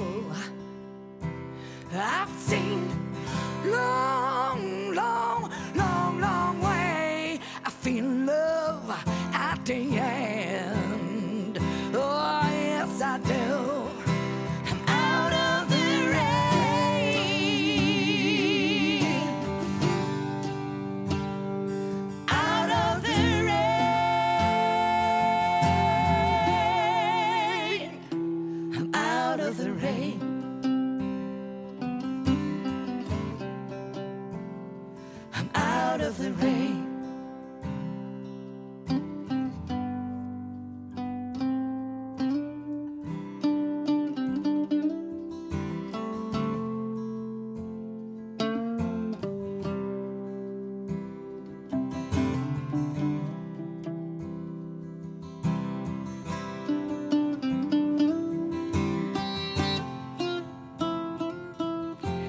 Out of the Rain. Het is een nummer van Etta James, hier in de versie van Billy en Bloomfish, Kathleen van den Hout en Pascal Michiels.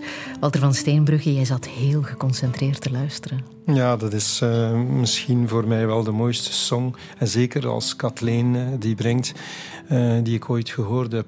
Niet alleen de melodie, maar ook de fameuze tekst die mij telke malen nog naar de keel grijpt. Omdat het gaat over ja, de steun die je moet krijgen in de liefde of in de vriendschap, maar die zo belangrijk is in het leven. Als je die steun en die vriendschap niet krijgt, ja, dan... dan wordt het allemaal wel moeilijk. En dat spoort dan ook weer met de vele ervaringen die we van die slachtoffers van seksueel misbruik in de kerk hebben gekregen. Als je nu die getuigenissen in dat prachtige God vergeten, eh, als je dat ziet, ja, dan die, de, vele van die mensen, hun leven is compleet geruïneerd. Wist jij hoe ver dat ging? Nee, Misbruik, niet, kindermisbruik, niet, hoe ver dat dat gaat? Nee, toen, ik was al 25 jaar advocaat. eh, op het ogenblik dat wij... eh, het is Mark van Geluwe die mij als eerste gecontacteerd heeft in het voorjaar van 2010. En stelselmatig zijn dan vele mensen erbij gekomen. Want ik, ik werd al opgezocht door Rick Divillé in de jaren 90. En toen kwamen de mensen met op zaterdagochtend het kantoor binnen en vroegen aan mij of dat er iets aan te doen was. En mijn antwoord was dan positief en was ja, om, eh, om toch iets te doen. Maar toen hadden ze de kracht niet. En Mark van Geluwe heeft toen, de, ja, echt waar, hij is de, degene geweest die, die, die, die de bommengordel heeft betekend voor, voor de kerk, die alles heeft toen ontploffen. En op dat ogenblik zijn er al heel veel mensen met hun verhaal gekomen. En ik wist ik wist bij lange niet dat het zo'n impact kon hebben uh, op het leven. Mijn collega Christine Mus heeft ook zeer veel mensen uh, gesproken. Er, waren daar, er was daar eens een koppel bij die meer dan 50 jaar gehuwd was. Maar men had het aan elkaar nog niet durven zeggen wat er gebeurd was. En dan gebeurt dat in de stoel uh, ten overstaan van Christine Mussen. Dat, ja, dat, dat, dat op het is kantoor. wel in, op ja. kantoor. Mhm. Breken die mensen dan in, in, in duizend stukken, wordt alles geuit. En als je dan ziet ja, hoe dat die mensen beschadigd zijn geworden uh, in hun verder intiem leven en uh, om, om, connectie, om verbinding te maken, dan is dat wel heel erg. Ze, die mensen die getuigen in de reportage spreken over overleven. Maar er zijn er heel wat die het niet overleefd hebben. Ofwel zijn ze dood, hebben ze zelfmoord gepleegd, ofwel zijn ze het nooit te boven gekomen. Mm -hmm. En dat is een beetje de dark number. Hè, want die mensen zijn zeer krachtig die in God vergeten aan bod komen. Maar er zijn er heel wat die zelfs niet de kracht hebben om nog daar met iemand over te spreken. En het is belangrijk dat iedereen dat goed beseft wat dat met de mensen doet. En het is zo, en dat is tot mijn eigen scha en schande, dat ik na 25 jaar advocatuur, dat ik dat onvoldoende wist. Mm -hmm. Maar nu weet ik het des, des te beter. Ja. En seksualiteit zou het absolute genot moeten zijn van een oprechte liefde. Ja, en er, zou, er moet ook veel toelichting bij gegeven worden. Mm -hmm. Mijn haren komen ook recht als ik zie wat er in Charleroi onlangs gebeurd is over die lessen seksuele opvoeding. Wat, wat een situatie is met dat. Wat een reactie. Wat een reactie in de, in de 21ste eeuw. En dan schermen met, met de Bijbel of met de Koran.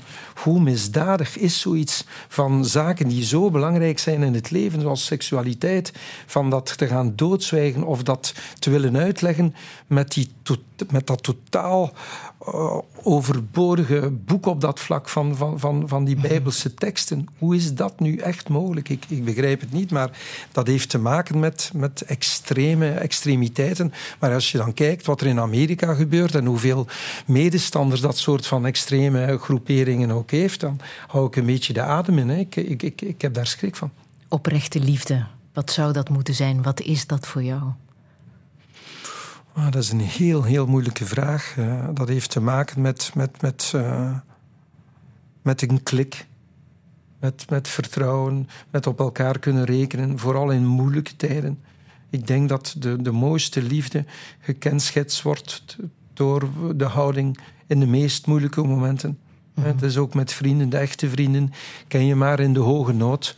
Dus dat is, dat is voor mij echte liefde. Er moet natuurlijk ook een, een aantrekking zijn, een natuurlijke aantrekking, dat is, is belangrijk. Maar uh, ja, het, het, het, vertrouwen in elkaar kunnen hebben, vooral als het slecht gaat en niet geleid, zou ik zeggen, door alles wat we meekrijgen uh, van jongs af aan, de, de, de, de, witte ridder op het paard en alles, en het huisje, tuintje en zo meer. Je moet dat wat breder zien.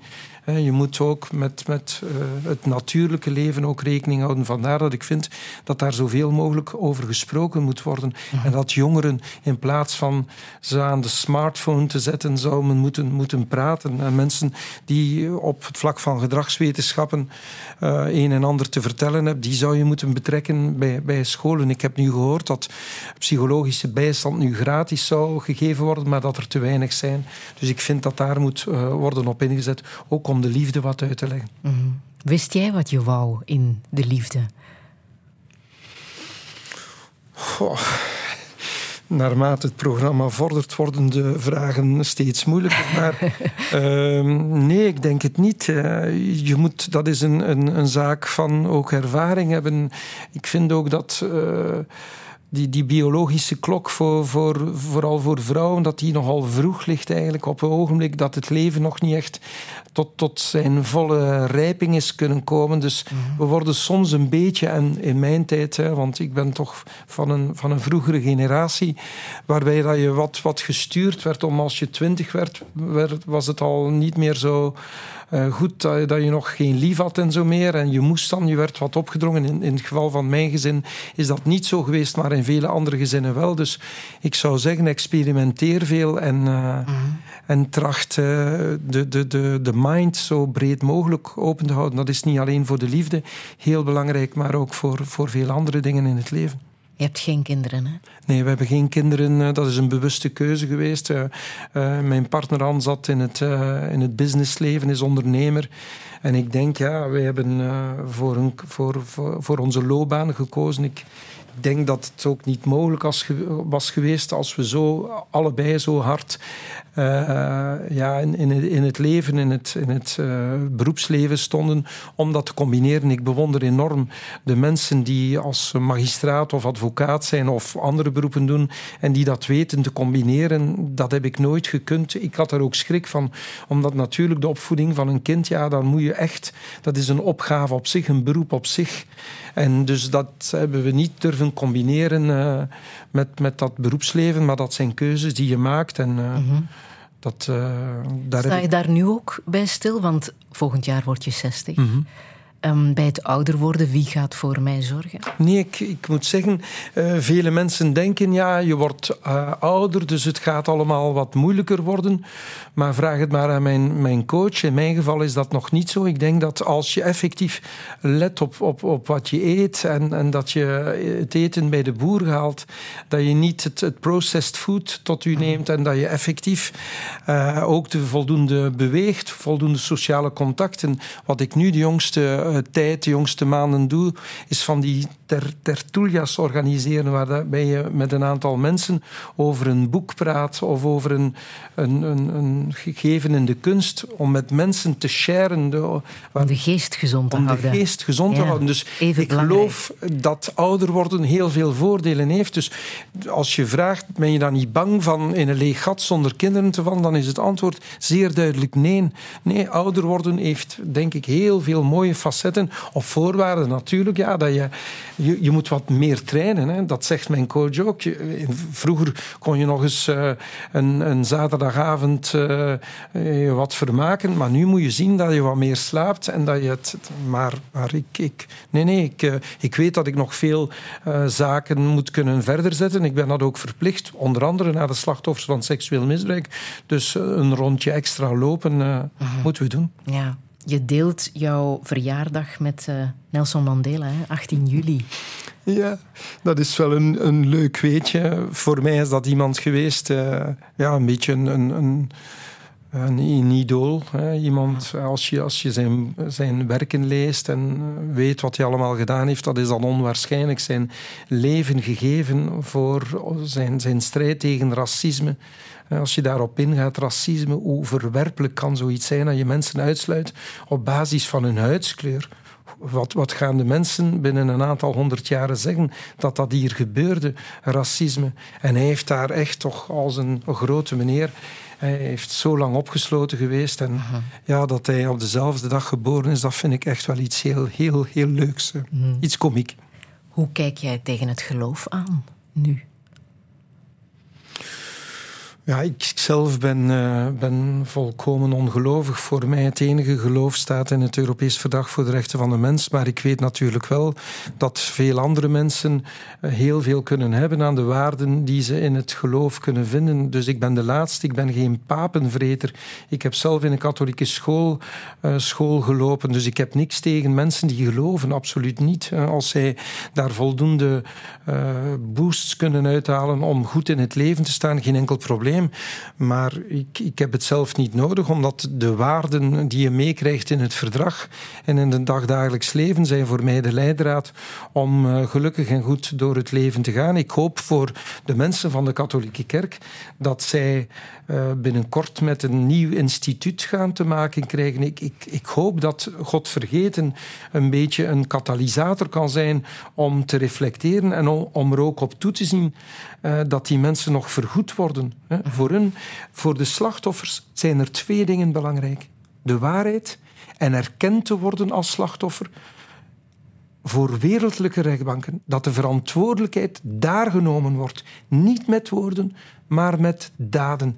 En een schadevergoeding krijgen is daar een onderdeel van. Als mensen geschaad worden, is het maar normaal dat ze vergoed worden.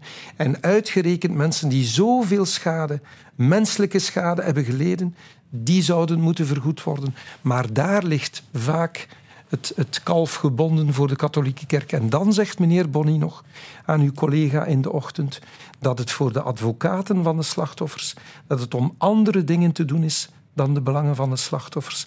Dan zeg ik, meneer, dat is echt wel de wereld op zijn kop.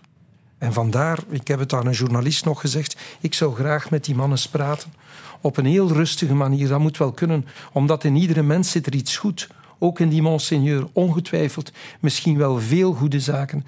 Maar ik zou hem wel eens uh, willen overdragen wat mijn honderden cliënten aan mij gezegd hebben over wat zij hebben meegemaakt en wat de enige juiste houding zou zijn die de kerk zou moet, zich zou moeten aanmeten. Maar daar zijn we nog een, een eindje van verwijderd, denk ik.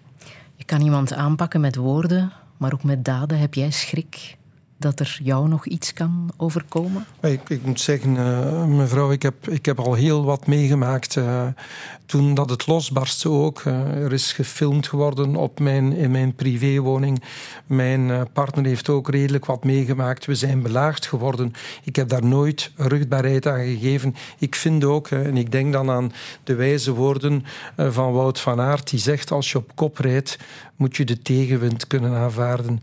Dus als je daaraan begint, aan een strijd voor die slachtoffers van een seksueel misbruik, dan moet je dat incalculeren. En angst is een heel slechte raadgever. Dat heeft mijn patroon Luc van den Bossen mij ook aangeleerd. Dus uh, het feit dat men dreigt, want ik lees nu ook af en toe stukjes uit de sociale media en men spreekt over dat men uh, gaat terugslaan. Dat is het woord dat men mhm. gebruikt. Wel goed, ja, dat men maar terugslaat. Ik ben er klaar voor. Men zal Je misschien ook, dat. ja, er zullen misschien ook wat procedures volgen, maar ik neem dat er graag bij. Ik heb er al een paar doorstaan. Uh, eentje van uh, die man uit het Vaticaan, eentje ook van het Openbaar Ministerie. Ik kan tegen een stootje en ik heb het grote geluk dat ik met een schitterend team van advocaten, mijn kantoor is nooit sterker geweest als vandaag. Dus dat team van advocaten staat als een blok achter mij en wij gaan niet uit de weg. En en die reportage van God vergeten heeft uh, ons echt wel ook nog een adrenaline, een forse adrenalinestoot gegeven. Dus uh, wij gaan niet onmiddellijk achteruit gaan. Uh, dat verwacht ik duidelijk niet, niet bang. Nee. Ben jij bang voor de dood? Nee, absoluut niet. Ik vind dat de dood een onderdeel is van het leven. Uh, ik vind dat je moet trachten zo goed mogelijk die tijd in het leven door te maken en dan hoort dat erbij. En als het nodig zou zijn, zou jij kiezen voor euthanasie? Ja, absoluut. Uh, absoluut nu. Zeer zeker uh, na wat ik heb meegemaakt. Ik, ik maak mij nu vaak de bedenking, hadden we het assisenproces verloren? Wat ging er dan gebeurd zijn? Dat zou betekend hebben dat de goedertrouw zijnde artsen dat die als gifmoordenaars zouden bestempeld zijn voor, voor altijd. Dan zouden zoveel mensen die een doodstrijd leveren, ze zouden, ze zouden gecrepeerd hebben. Ik ben zo blij, ik ben er ook fier op, dat we die vrijspraak hebben kunnen bekomen voor die mensen, die doodzieke mensen, maar ook voor de moedige artsen.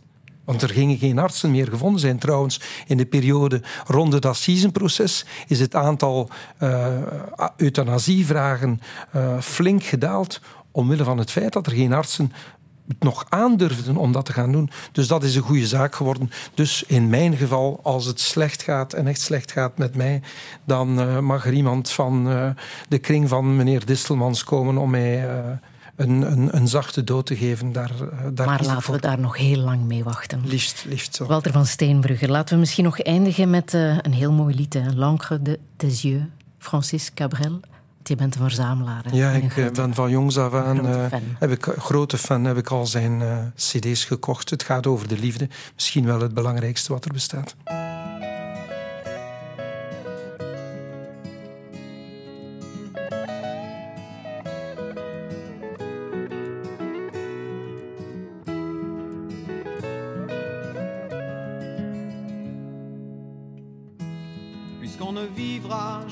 Tous les deux.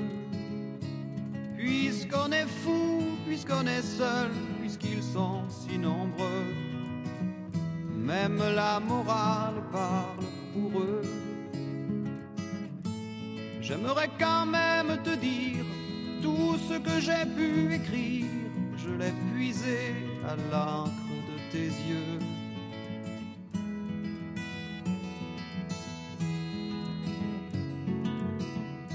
N'avais pas vu que tu portais des chaînes à trop vouloir te regarder. Francis Cabrel, met grote dank aan Walter van Steenbrugge. Dinsdag, laatste aflevering van God Vergeten op VRT Canvas. En de wereld van Sophie gaat er ook nog op door op eh, woensdag. En als je zelf met vragen zit over misbruik, kan je altijd terecht bij de hulplijn 1712. Ik wens iedereen nog een heel warme zondag. Heb je iets gemist? Je kan Touché herbeluisteren in de app van VRT Max.